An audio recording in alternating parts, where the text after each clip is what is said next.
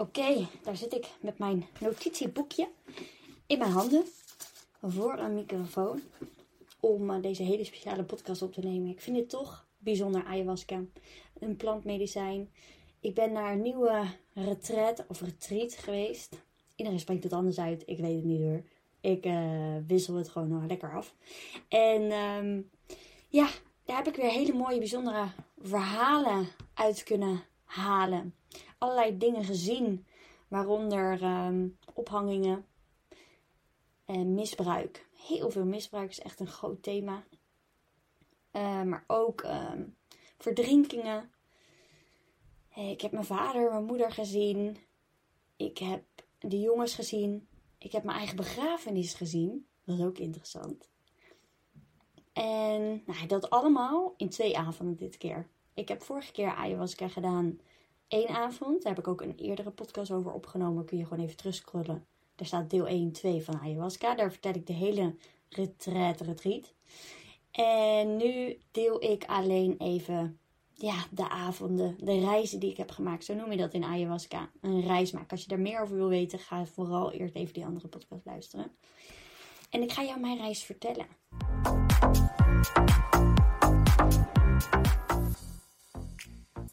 Mijn reis van twee keer 6 tot 8 uur. Volgens mij hebben we 8 uur, soms wel langer gereisd. Zo noem je dat. Omdat je je gaat overgeven aan wat er op dat moment naar voren mag komen.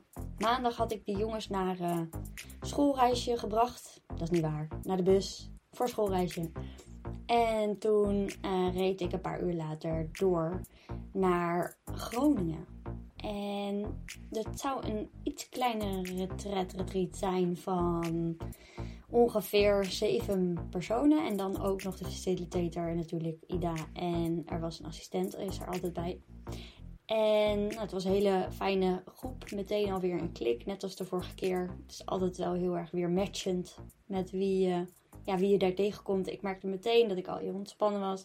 Ik ga nu vaker naar retreats toe, retreats. Dus ik zal hem niet elke keer gaan halen trouwens hoor. Dat is ook irritant.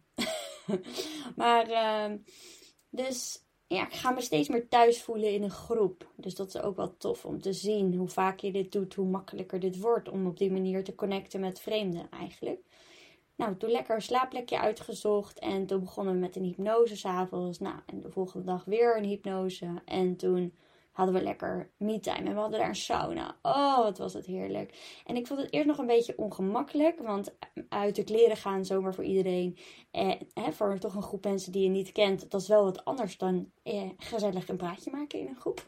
En, maar goed, voorheen ging ik ook altijd eh, naar de sauna. Alleen had ik toch nou, in de afgelopen jaren wel een belemmering gekregen op mijn lichaam. En dus hoe ik naar mezelf keek. En hoe vrij ik me, veilig ik me voelde op mijn kwetsbaarst. En dat was toch ook wel naakt. En ik merkte al snel op is dat die badkamer, dat is natuurlijk ook een mentorbietje voor mij, is die kon dus niet op slot. Er was een hele grote badkamer met een sauna, een bad, een douche en daar had, ook je, had je ook de wastafels. En dat was dus ook de plek waar iedereen ging tanden poetsen en alles uh, opfrissen. En uh, nou, al heel snel liep iedereen daar gewoon in en uit. En, want die deur moest ook nog eens open blijven voor de ventilatie.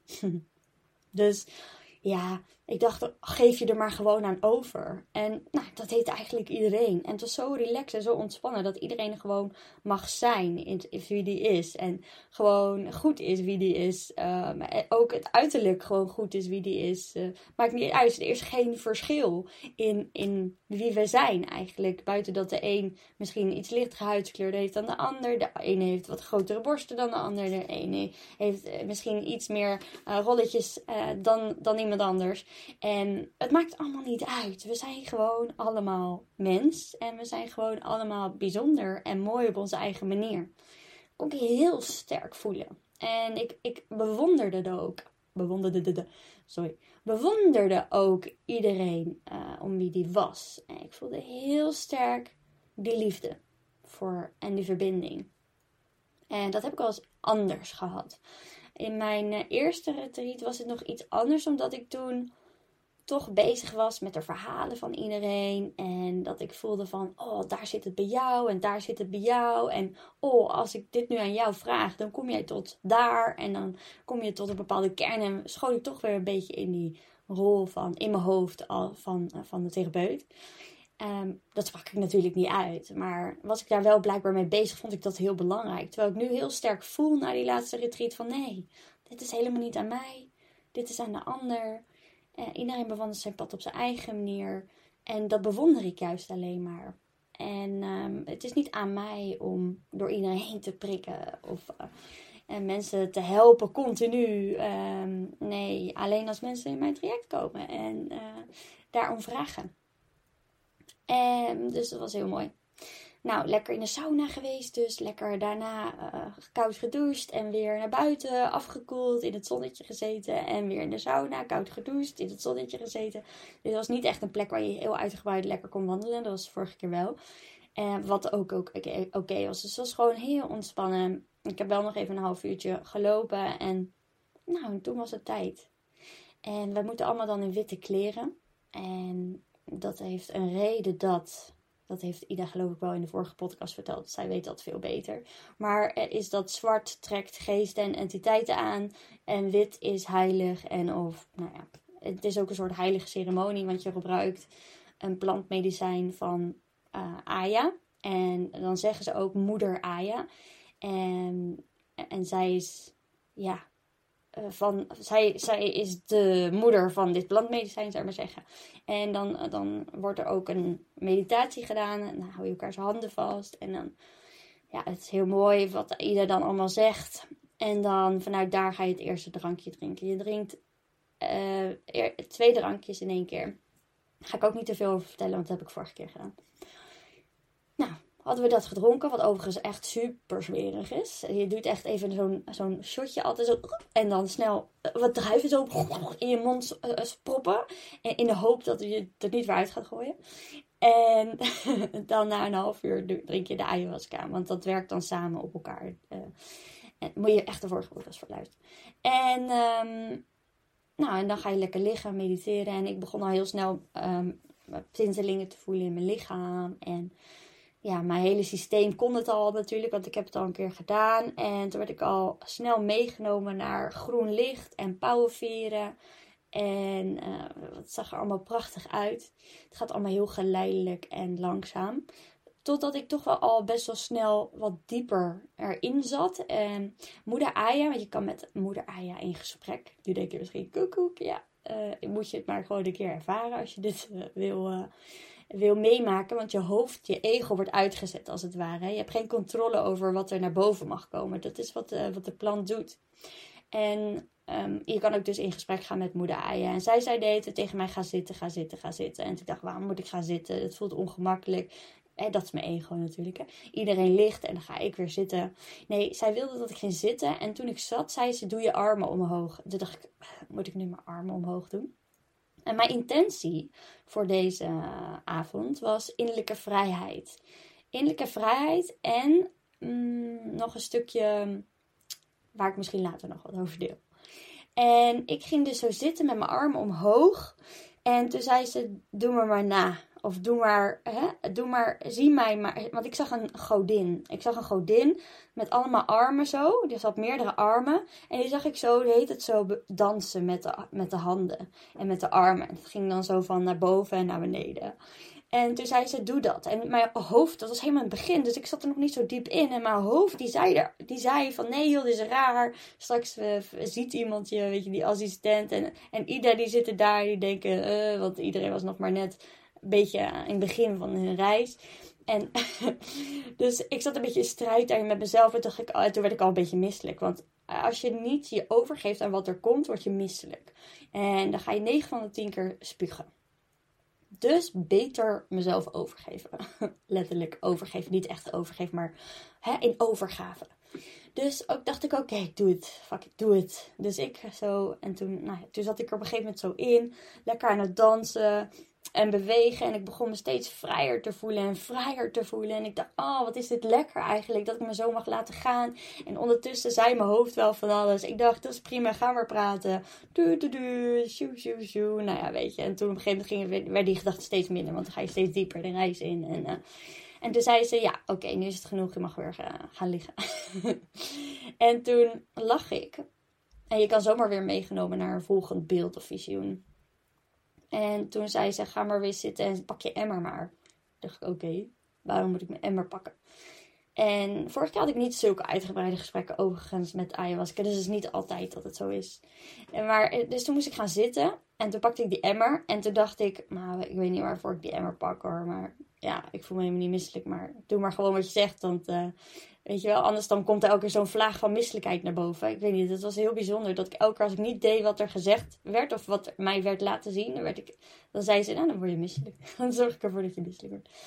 Dus nou, ik zit... En toen um, zag ik op een gegeven moment een schip. En in één keer voelde ik Ida, de facilitator, uh, voelde ik achter mij zitten.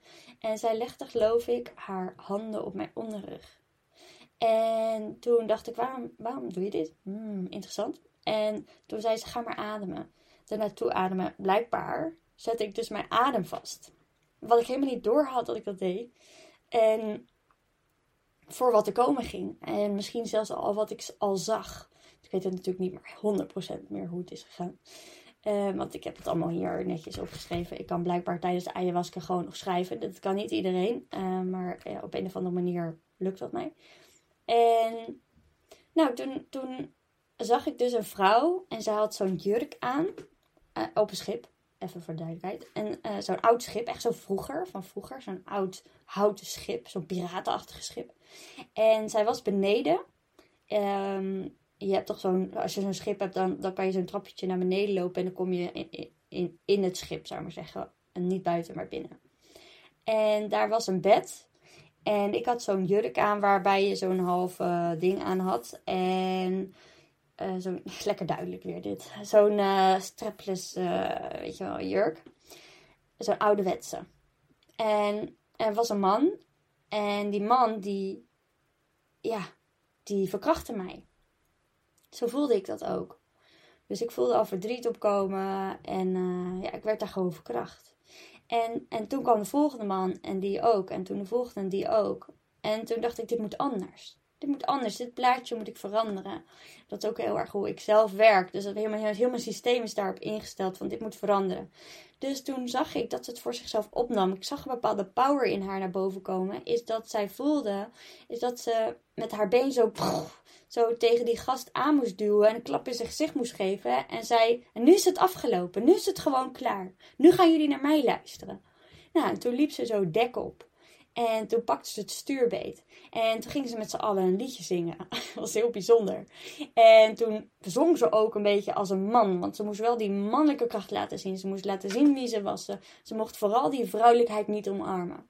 En dat was ook een intentie voor mij om, om dus innerlijke vrijheid, maar ook die vrouwelijkheid. Um, ja, je hebt vrouwelijke en mannelijke energie en dus nog meer in die vrouwelijke energie te komen. En toen, als je daar niks van af weet, dan zal ik wel een keer een andere podcast iets over vertellen. Nou, en toen dus stond ik aan het stuur. En op een gegeven moment zag ik dat ik mijn eigen schip kreeg. En dat ik daar mijn mannetje stond, als het ware. En door dus in die mannelijke energie te blijven veilig was. Daarna kwam het volgende interessante beeld. En dat was een ballerina. Een ballerina, die was heel goed in dansen. En ze was alleen maar continu bezig met presteren, presteren, presteren. En ze was eigenlijk doodongelukkig, maar toch deed ze het. En toen, ja, was ze uiteindelijk gestopt, want ze kreeg een gezin. En toen viel haar hele leven in duigen.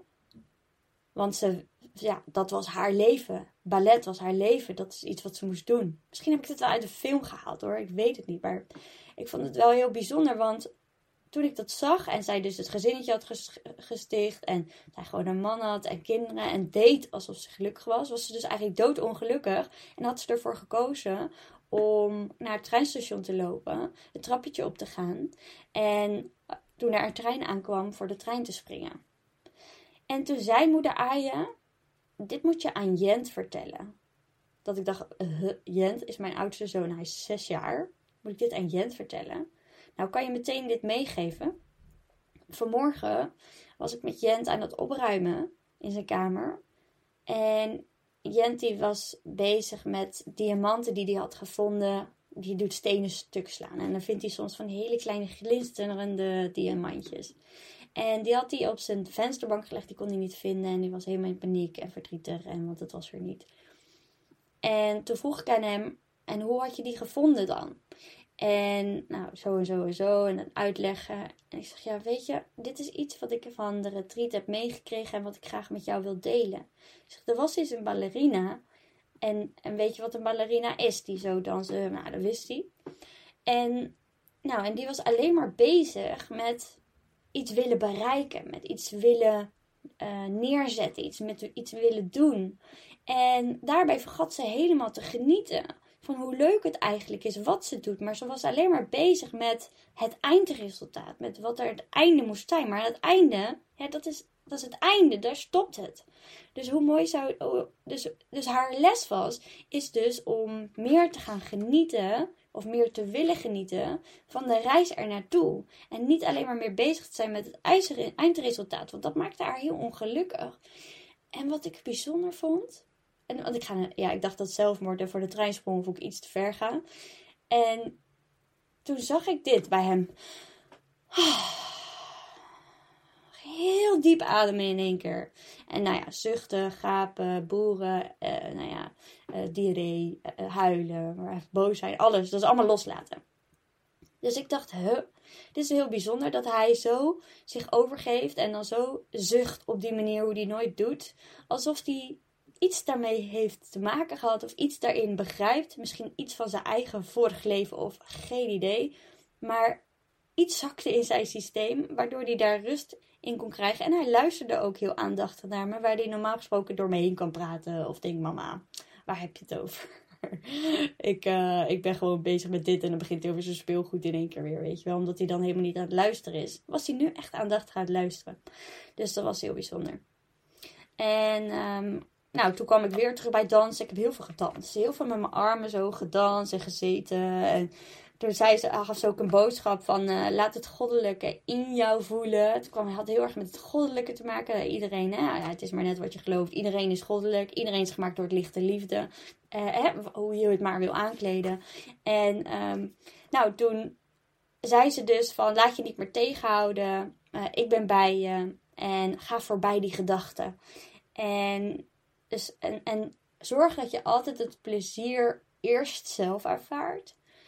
En daarna pas naar buiten brengt. Dus, uh, en ik kon het wel heel erg uh, voelen, is dat ik soms dus een content heb gemaakt voor mijn Instagram bijvoorbeeld. En dan dat doe ik van tevoren. En dan heb ik een dag waarbij ik eigenlijk helemaal geen zin heb om die content te posten. En dan doe ik het dan toch maar omdat ik dat heb voorbereid. En dus doe ik dat voor jou, voor degene die dat leest. En nou deed ik de laatste tijd al vaker dat niet meer. Is dat ik dan ook gewoon voelde op dat moment: oké, waar heb ik dan gewoon nu zin in? Blijkbaar maak ik, blijk, blijkbaar maak ik soms content uh, en voor niks, want ja, dat is het dan. Dan is het zonde, hè? dus dan moet je het eigenlijk wel gebruiken. En nu voel ik heel sterk, nee, dat is niet zonde. Dat was op dat moment, uh, dacht ik, het beste om te maken. En als ik dus voel, hé, hey, ik heb zin om iets anders te doen, want het gaat erom dat ik er het meeste plezier uit haal. En natuurlijk dat jij er wat aan hebt. En dat is dus het, belang, het belangrijkste. Dus dat is ook die boodschap, ook van die ballerine voor mij, is echt, ga eerst het plezier in jezelf voelen. En dan zal je daar nog beter de ander mee helpen en of plezier met de ander kunnen hebben.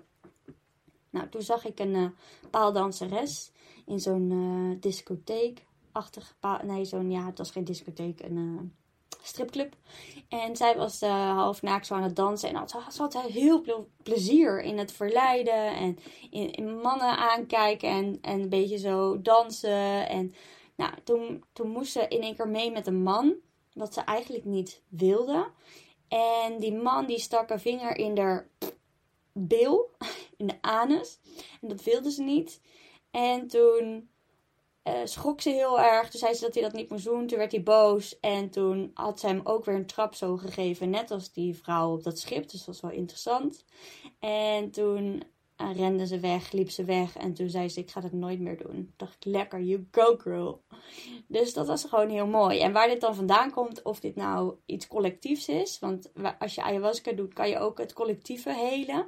En dus kun je ook stukken helen van ja, het collectief, het collectieve probleem. Naar vrouwen natuurlijk, hè, dat vrouwen vroeger veel misbruikt werden. En uh, nou dat. Of uh, je, je hebt delen uh, geheeld van je eigen vorige leven.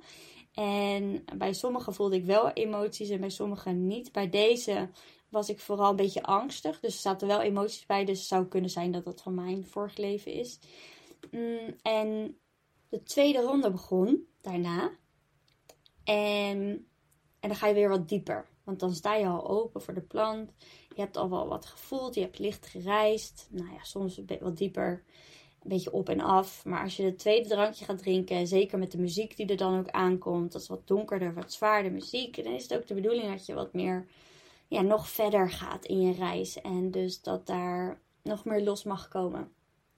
En toen zag ik um, allemaal vrouwen die misbruikt werden. En ik voelde heel veel angst en heel veel boosheid. En ik was continu aan het zuchten. Ik was echt, ik, voor mijn gevoel heb ik, die, heb ik vijf uur lang dit gedaan.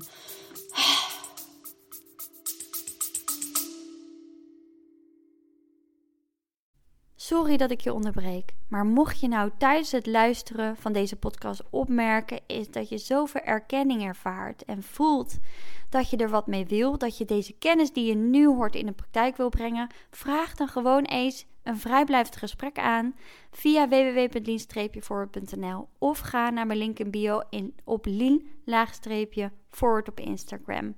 En dan kletsen we even over jouw uitdaging, je verlangens. Dan kan ik direct die rode draad eruit pikken waar jij mee aan de slag mag gaan. En dan kunnen we kijken en mag jou voelen of later beslissen zelfs nog of jij in eventueel het één, traject zou willen stappen. Dus wie weet ga ik je zien.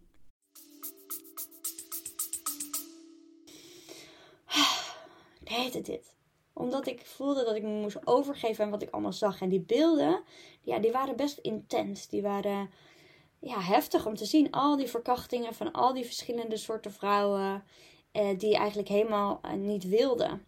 En die uh, pas als je dus meer in die mannelijke energie zat. Dus meer dat mannelijke liet zien. En je, je, jezelf liet zien zo op een krachtige manier vanuit die mannelijke energie, dan liet de man je met rust. Maar als jij een beetje timide was en een beetje terughoudend en of verlegen en of durfde je niet voor jezelf op te komen, dan werd je gewoon verkracht.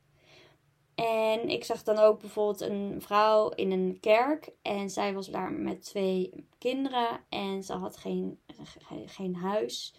En toen kwam er een mannetje van de kerk langs, een pastoor of een whatever wat het was. En uh, die had gezegd: uh, Je mag hier blijven als je met mij hè, vrijt. Als je met mij seks hebt. En ook zij liet zich op die manier verkrachten omdat dat nodig was. Nou, ik geloof ook echt dat het vroeger echt zo ging en dat iedereen hier iets van meedraagt. Van misbruik, van verkrachting, van op een manier machtsmisbruik, et cetera, et cetera. En hier hebben we gewoon stukken in te helen om ons gewoon weer helemaal veilig te voelen bij wie we zijn. Maar ook helemaal onszelf weer durven te laten zien. Weer helemaal die vrouwelijkheid te kunnen omarmen. En uh, om uit die mannelijke energie ook te kunnen gaan. En ook die vrouwelijke energie weer te kunnen voelen. Vanuit flow en overgave en zijn in het hier en nu. Mannelijke energie is heel erg doelgericht en heel erg planmatig. En veel nadenken en heel erg vanuit een doel. Maar vrouwelijke energie is eigenlijk gewoon flow en meegaan. En ja, dus nou, dat was best wel intens, vond ik. Uh, ik merkte ook wel dat ik heel verdrietig van werd. En, maar niet echt huilen of zo. Vooral boosheid, angst en, en dus mm, heel licht wel een beetje natte ogen. Maar dat was het. En toen kwam uh, nog iets heftigers. Ik zag een totempaal. En aan die totempaal was een vrouw vastgemaakt. En die vrouw was naakt. En het was een Indiaanse vrouw. En zij um, had blijkbaar iets gedaan. Of ik heb geen idee. Of zij offerde zichzelf op. En zij werd verbrand. Levend verbrand. Dus ik zag haar zo ja, verbranden. En ze was eerst heel bang. En daarna ging ze lachen.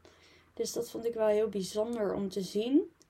En het erge daarna vond ik nog is dat ik blijkbaar een stamhoofd ben geweest. Ik kon heel erg voelen dat het ik dat ben geweest.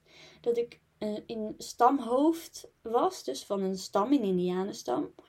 En dat ik heel groots en groots over mij dacht, over mezelf.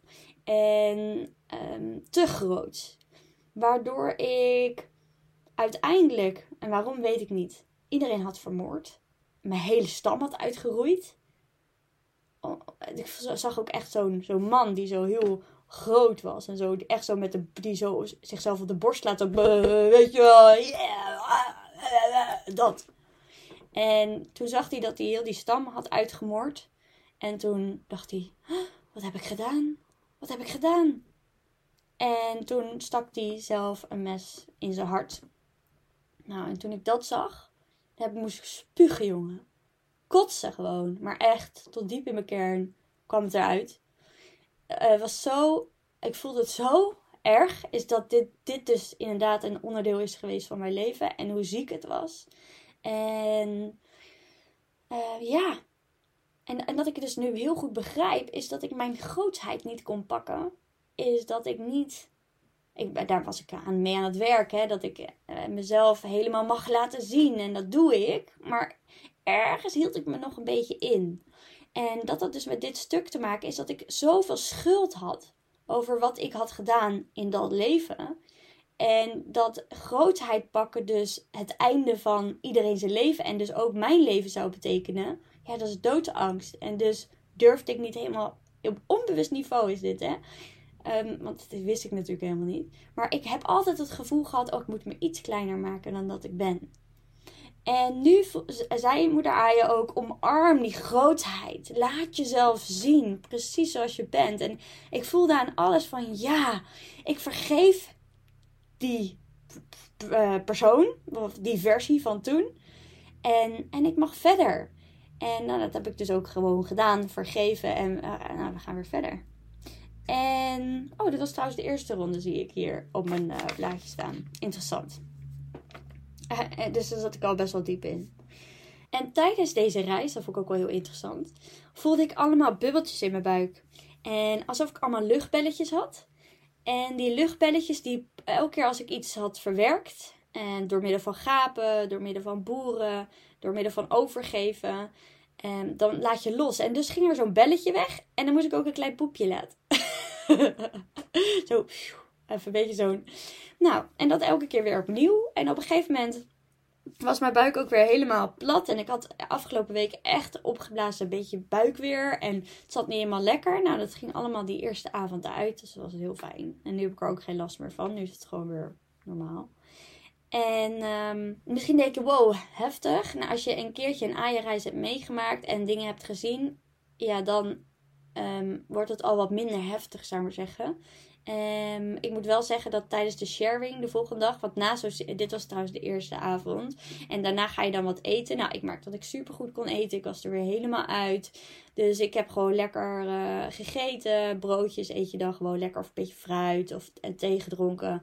En uh, nog eventjes um, naar buiten geweest. Even frisse neus. Dat kon daar ook eventjes. En toen gingen we gewoon lekker slapen. Rond een uurtje of uh, twee uur s'nachts of zo is het dan. Want je begint rond een uurtje vijf. En dan, nou ja, dan tot de half één zoiets reizen. En dan daarna even afsluiten met z'n allen. En even wat eten. En uh, nou, heel veel zinnigs komt er niet meer uit je mond op zo'n moment. Je bent natuurlijk ook moe. En, uh, en toen gingen we lekker slapen.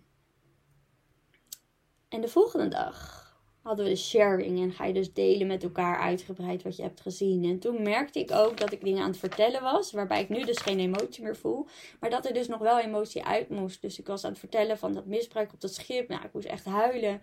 En uh, ik, ik, ik, moest bij, uh, bij die ballerina ook huilen. Uh, wat ik vertelde, maar helemaal bij de stam, waar dat ik stamhoofd was en iedereen heeft uitgeroeid. Nou, moest ik ook huilen.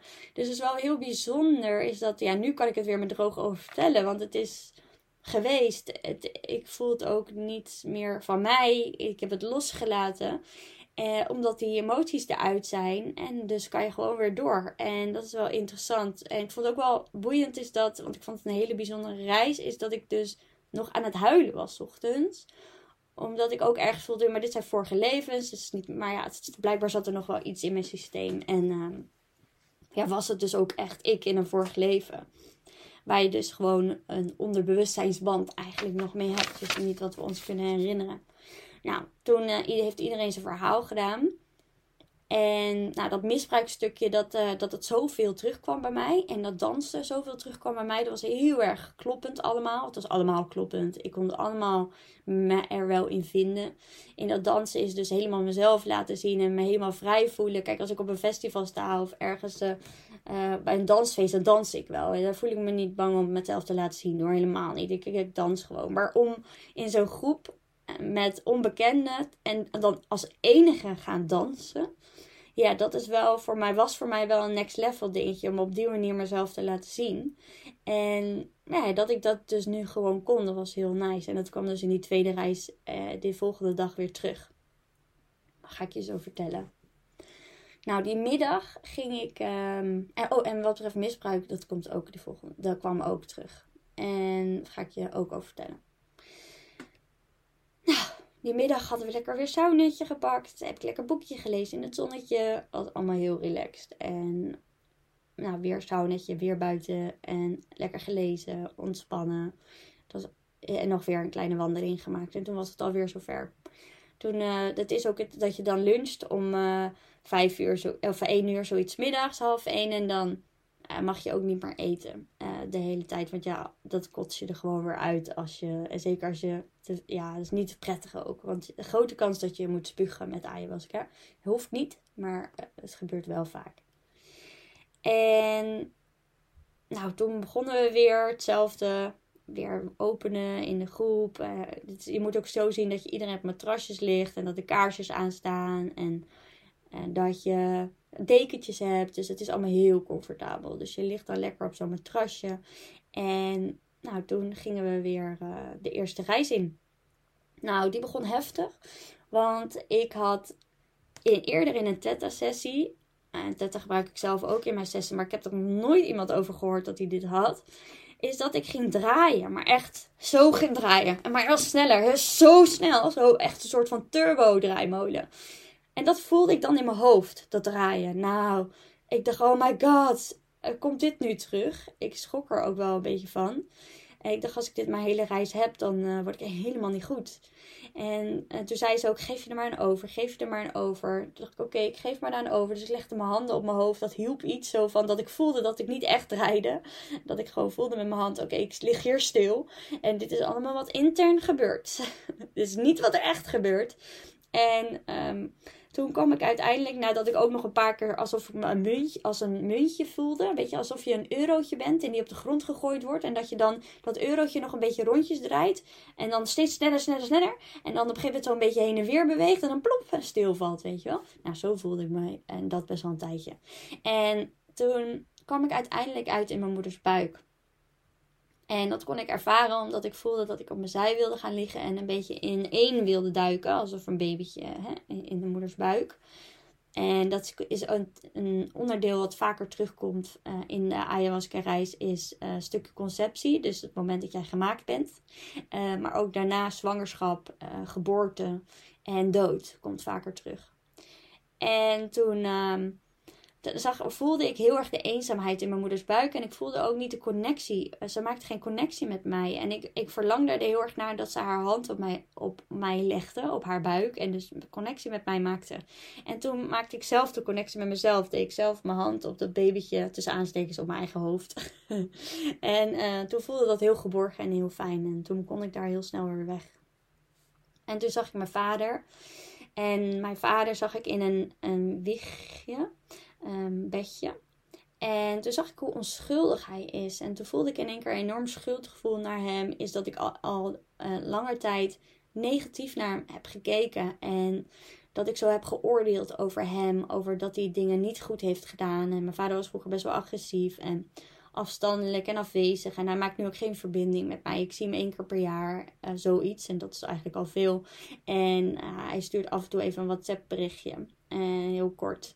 En dat is het vaak wel. Heel soms belt hij een keertje. Maar hij houdt heel erg afstand. En dat heeft natuurlijk meer met hem te maken dan met mij. Maar ik ben er wel als kind en later ook best wel boos op geweest. Maar ook verdrietig over geweest dat hij er niet voor me is geweest. En nou ja, ik maakte dat natuurlijk heel persoonlijk. Is dat ik dacht dat het aan mij lag. En dat hij mij niet belangrijk genoeg vond, et cetera. Nu heb ik zoveel onderzoek daarna gedaan. En nu weet ik natuurlijk dat dat niet zo is. En, en toen zag ik mijn vader opgroeien als babytje werd hij steeds ouder en ouder. Um, laten we zeggen één jaar, anderhalf jaar, twee jaar. En toen verloor hij zijn vader. En toen voelde ik zijn verdriet. Toen voelde ik zijn tranen. En had ik het gevoel is dat ik die tranen moest toelaten voor hem.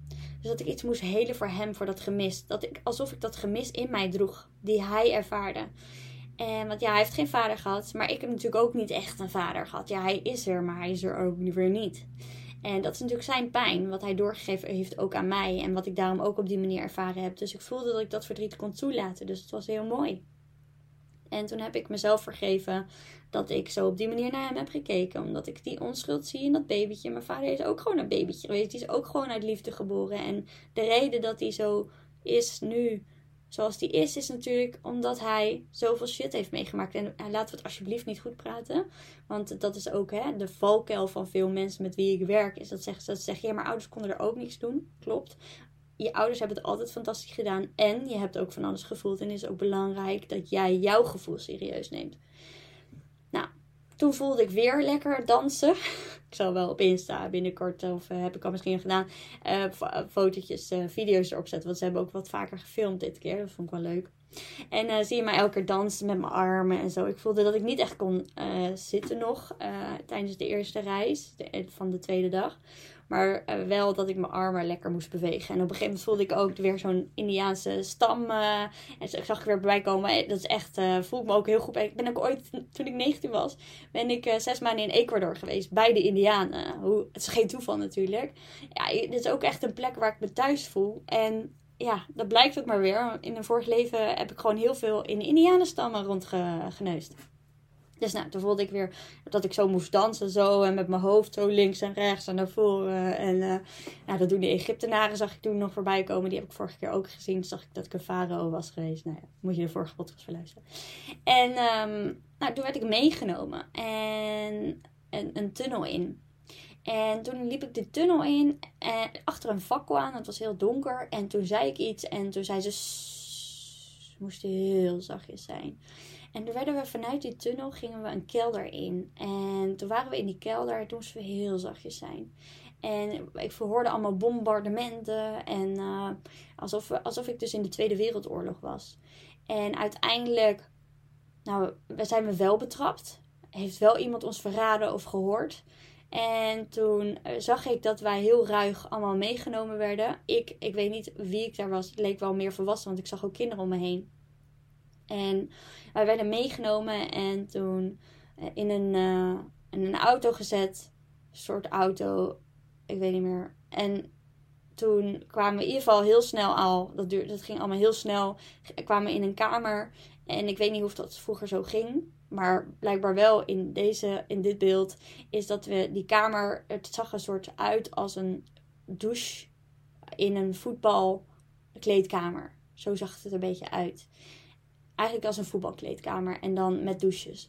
En toen werd het volgelopen met water en toen zag ik dat ik stikte en dat um, de kinderen en iedereen om mij heen stikte. Dat ja, wij aan het drijven waren in dat water en nou ja, dood waren. Dus het was wel een intens beeld.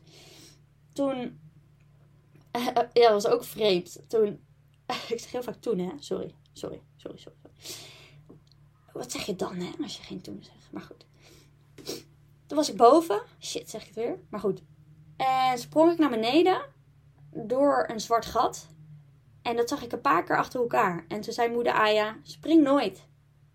Nou, ik weet nog niet wat dat betekent. Het gaat me vast nog wel helderder worden. Rens doet wel uh, aan skydiven. Die wilde dat weer gaan doen. En uh, misschien moet ik dat niet gaan doen. Skydive. Geen idee. Dus daar gaan we nog achter komen. En later kwam ik weer, hey, dat is een goed woord hè. En later kwam ik weer bij de Indianenstam. En toen voelde ik ook heel erg die community gevoel, weet je wel. Dat je iedereen er voor elkaar is, iedereen elkaar ziet, iedereen voor elkaar klaar staat. En elkaar hielp. En hun eigen taak hadden in het dorp. En er zoveel liefde was en zoveel ruimte was voor elkaar. En toen kreeg ik helemaal zo'n warm, fijn gevoel.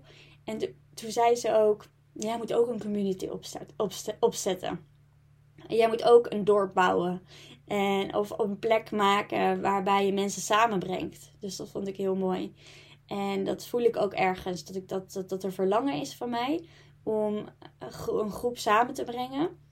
Uh, maar ook fysiek. Ik doe nu natuurlijk alles online. En, uh, maar ik voel wel ergens iets van, wie, wie, weet wil ik een, iets met een event gaan doen. Of uh, ja, het zou helemaal fantastisch zijn als de financiën toelaten dat je echt een, wat huizen kan bouwen en daar een soort community begint. Dat zou helemaal tof zijn.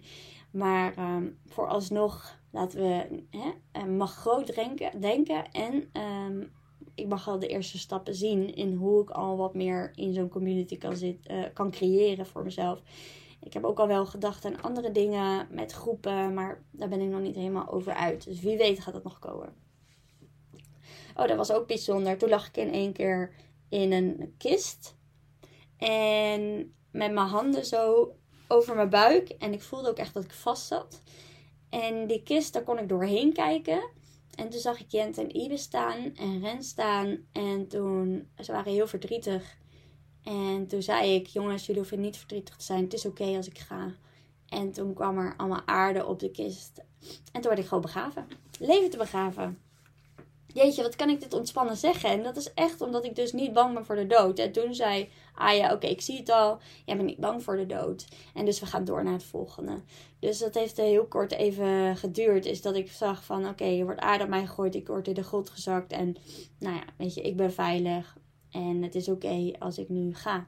En vaak heeft de dood te maken met, uh, als je dat ziet, het heeft allemaal weer betekenissen. Met bijvoorbeeld uh, dat je weer een oud stuk van jezelf achterlaat en weer verder gaat. Het is niet natuurlijk dat je echt doodgaat, maar dat je weer afscheid neemt van de oude versie van jezelf. En dat je meer een nieuwe versie van jezelf eh, hebt omarmd. En dat klopt ook heel erg bij mij, is die grootheid, maar ook de oordeelvrij zijn naar mijn vader en dus ook naar Rens. Vaak zijn vaders gekoppeld aan partners. Niet altijd even leuk, maar hè, het is zo. Uh, overigens kun, uh, je, je, kan je partner ook dingen van je moeder spiegelen hoor. Maar uh, ja, in dit geval was dat ook wel zo dat ik soms nog een oordeel kon hebben naar Rens over dingen die dus te maken hadden met mijn vader. En ik voelde ook heel sterk dat ik dat achter kon laten. En nog meer vanuit liefde mocht, kon gaan kijken. En dus um, ja, heel fijn dat je een soort van weer herboren voelt. Als het voor, ja, herboren voelt. Nou, ik ben al bijna klaar hoor. Ik ben bijna klaar. Want er is één ding wat ik ga skippen. En um, dat heeft te maken met een stukje seksueel misbruik. Er kwamen beelden bij mij naar voren. En dat had te maken met seksueel misbruik. En daar werd heel deze reis heel erg op aangestuurd. En dit is een heel groot thema. En uh, ik heb ook besloten om hier vooralsnog niks over te gaan delen. Omdat het nog te kwetsbaar is. En en ik ook niet weet of ik dit wil gaan delen. Maar er is iets met seksueel misbruik geweest in mijn eigen leven. En dat heeft heel veel impact gehad op mij. En, maar niet alleen in mijn leven, ook rondom de familie zijn er dingen geweest en gebeurd. En nou ja, dus daar wil ik gewoon lekker nu niet induiken. En dat is wel een, eh, een hele verdrietige reis voor mij geweest. Ik denk dat ik wel eh, vijf uur achter elkaar alleen maar heb kunnen huilen. En um, het kunnen gaan loslaten. En ik denk daarna heb ik ook nog gehuild. En in bed heb ik nog gehuild. En s toen ik wakker werd heb ik nog gehuild. Ik denk dat ik al tien uur lang heb gehuild. Om alles los te kunnen laten. Wat heel bevrijdend voelde. En nu kan ik dit ook gewoon met droge ogen zeggen. Ik heb het gisteravond Rens verteld. Dus ik ben pas gisteren teruggekomen. En nou, toen was ik er redelijk oké mee. Ik heb wel gehuild ook, maar niet meer zo ongecontroleerd als die ochtend toen ik het vertelde tijdens de sharing. En, uh, dus ik merk dat, ik, dat het echt al mijn systeem aan het verlaten is. Zo snel en zo eigenlijk makkelijk kun je dingen loslaten. Ik wil niet zeggen dat dit voor iedereen zo werkt. Uh, maar dat werkt wel op die manier zo als je het ego kan loslaten. En uh, los kan komen van de drama die, die die gedachten kunnen maken. Want ja, het is iets wat is gebeurd. Het is iets gebeurd wat heel lang geleden is. En dat maakt me dus nu niet in één keer een ander mens of zo. Ik ben nog steeds Joline. En Joline was niet anders dan voordat ik dit wist. Het zat al juist in me. En nu weet ik het. Dus nu kan het juist mij verlaten. Dus, uh, en het belemmerde mij ook. Het belemmerde mij ook in, in intimiteit met Rens. En ik voel nu juist is dat we dus nu weer opnieuw daarin kunnen beginnen. En ik dus weer nog meer open kan staan ook voor hem. En dus dat is echt prachtig juist dat we op die manier uh, het zo ja, uh, kunnen aangaan. En, en nogmaals, ik geloof, weet je, iedereen doet dit op zijn eigen manier. Dus ik zeg niet dat dit voor iedereen makkelijk is en et cetera, et cetera. Maar weet dat er dus altijd een manier is om je trauma's los te laten op een hele simpele, makkelijke en veilige en uh, ontspannende manier. En ik merk dat ook aan mensen die bij mij in het traject zitten, is dat ze ja, dingen aankijken en daarna ook echt voelen dat ze het kunnen loslaten en dat ze zich niet meer aan vast hoeven te houden, hoe erg het ook is wat er is geweest. En ja, dan voel je je weer bevrijd, dan voel je je weer helemaal jezelf. En die weten ook is dat die gedachten niet de waarheid zijn en dus ook niet naar die gedachten de hele tijd hoeven te luisteren. En op een gegeven moment worden die gedachten dan ook steeds minder. En dan kun je die gewoon loslaten. En laat je niet meer zo je leven leiden door je gedachten. En door alle drama die die gedachten maken. Want je kwelt jezelf ermee. Je laat jezelf leiden. Als je continu je leven laat leven door dingen die zijn gebeurd. Wat er zijn gebeurd. Ik bedoel, laat ze alsjeblieft los.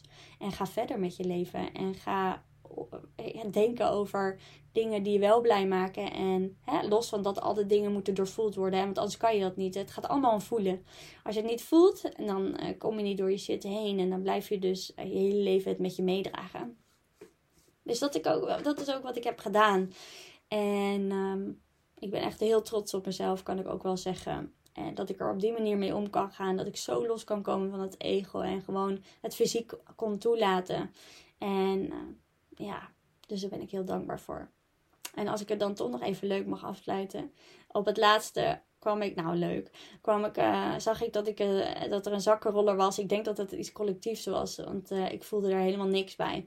En die was aan het rollen in Frankrijk en die liep daar langs de Eiffeltoren en waren allemaal toeristen en die nam allerlei dingen mee. Portemonnees en et cetera, et cetera. En toen werd hij uiteindelijk toch opgepakt en in de gevangenis gezet. En daar was hij, eigenlijk was hij doodongelukkig. Toen had hij zichzelf opgehangen. Nou oké, is niet een heel leuk verhaal. Maar goed, is iets collectiefs.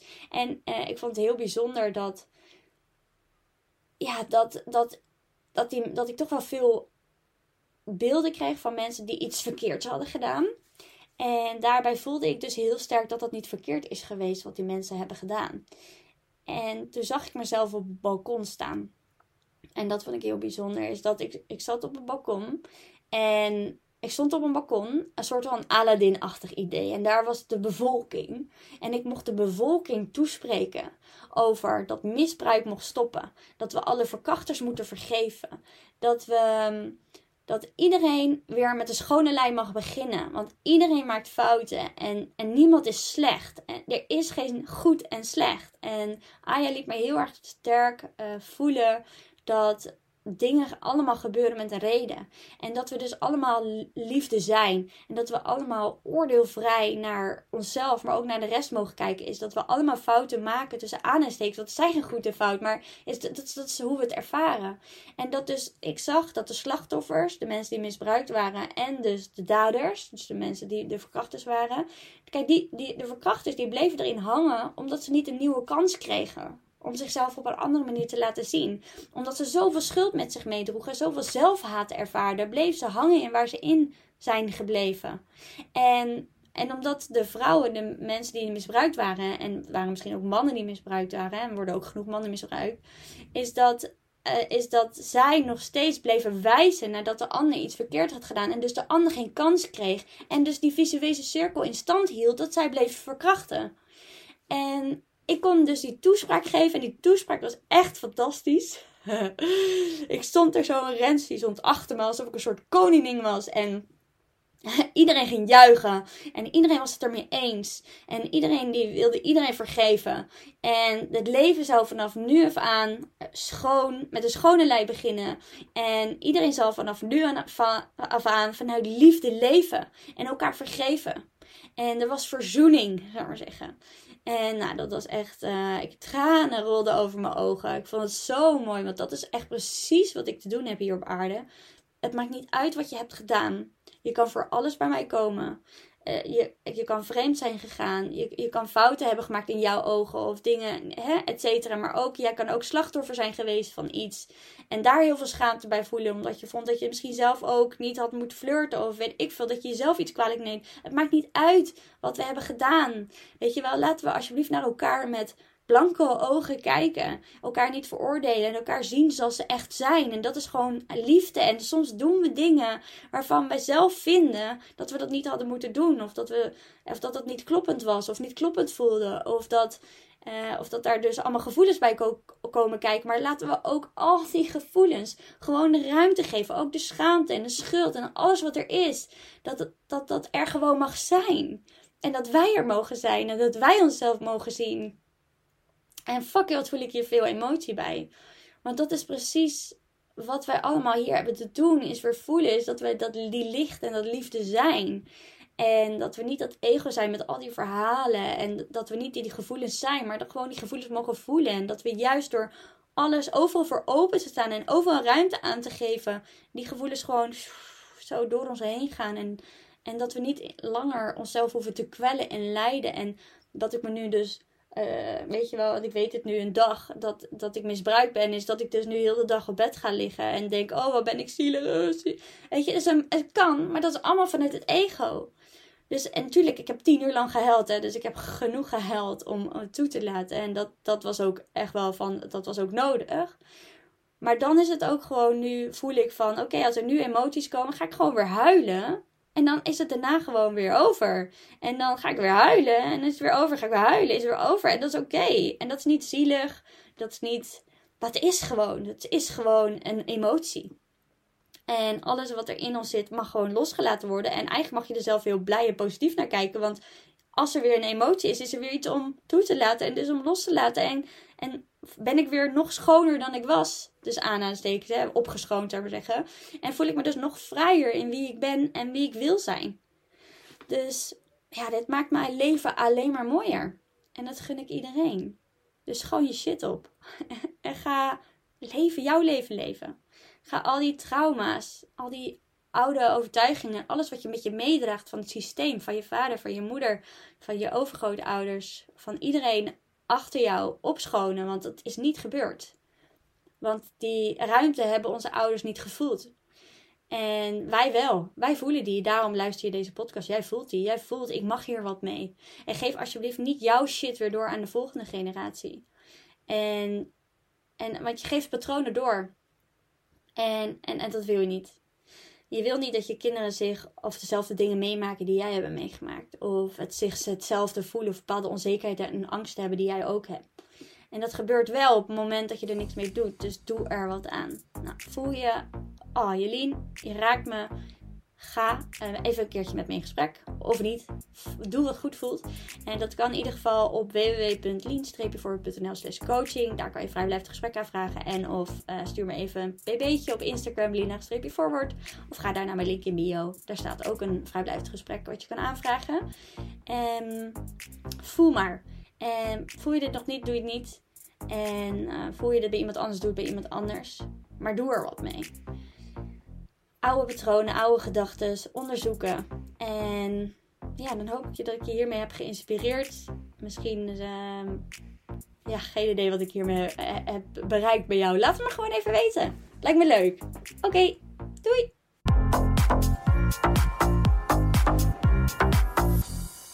Leuk dat je geluisterd hebt naar deze Lean Forward podcast. Mocht je voelen, ja, yeah, te gekke podcast, hier heb ik echt wat aan. Dit inspireert me. Ga dan zeker even naar de reviews bovenaan en laat 5 sterren achter. Want zo word ik beter vindbaar en kunnen we nog veel meer mensen inspireren om uit hun hoofd te gaan en meer zelfvertrouwen en zelfliefde te voelen. Oh, en by the way, als je me nog niet volgt op Instagram, doe dat dan zeker op lean-forward. Want daar deel ik ook dagelijks tips en inspiratie om uit je hoofd te komen en ook je beste leven te gaan leven. Joe!